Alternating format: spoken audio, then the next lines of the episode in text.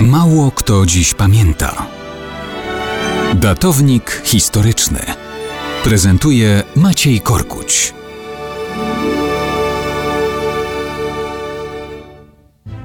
Mało kto dziś pamięta o bitwie pod Borowymi Młynami, jaką stoczył pułkownik Marcin Borelowski z kilkakrotnie liczniejszymi siłami Rosjan 16 kwietnia 1863 roku.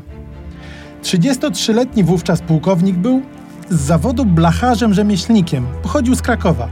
Swój charakter wykuwał jako nastolatek, uczestnicząc w powstaniu krakowskim i w wydarzeniach Wiosny Ludów. Związany z konspiracją niepodległościową, przygotowywał się do kolejnego powstania, ściągał broń, przygotowywał organizację powstańczej policji. Miał 30 lat, kiedy przeniósł się do Warszawy w zaborze rosyjskim. Tam współorganizował patriotyczne manifestacje na początku lat 60. XIX wieku. Organizował młodzież rzemieślniczą do walki o niepodległość. Styczeń 1863. Wybucha powstanie styczniowe. Borelowski przyjmuje pseudonim Lelewel. Na początku marca tworzy własny oddział powstańczy. Walczy na Lubelszczyźnie, rozbity pod Adamkami, walczy dalej. Szybko odbudowuje oddział. Zostaje powstańczym naczelnikiem województw podlaskiego i lubelskiego. Rozbity w końcu marca pod Krasnobrodem, znowu staje do walki. Zbiera ludzi, prowadzi ruchliwe działania partyzanckie. Rosjanie dostają szału na wieść, że wciąż żyje i działa i że to jest ten sam człowiek. Wielki książę Konstanty pisze do cara z irytacją.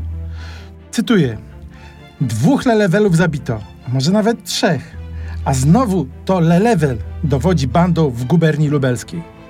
Jest 16 kwietnia 1863. Na 300-osobowy oddział Borelowskiego uderzają trzykrotnie większe siły Rosjan. Polacy bronią się zaciekle. Nie dają się zamknąć w kotle. W decydującym momencie idą w bój na bagnety i zwyciężają. Przy małych stratach przebijają kordony rosyjskie. Potem Borelowski jeszcze zwycięża pod Chruśliną i znowu pod Parnasówką. Zginie w boju dopiero jesienią 1863 roku pod Batorzem.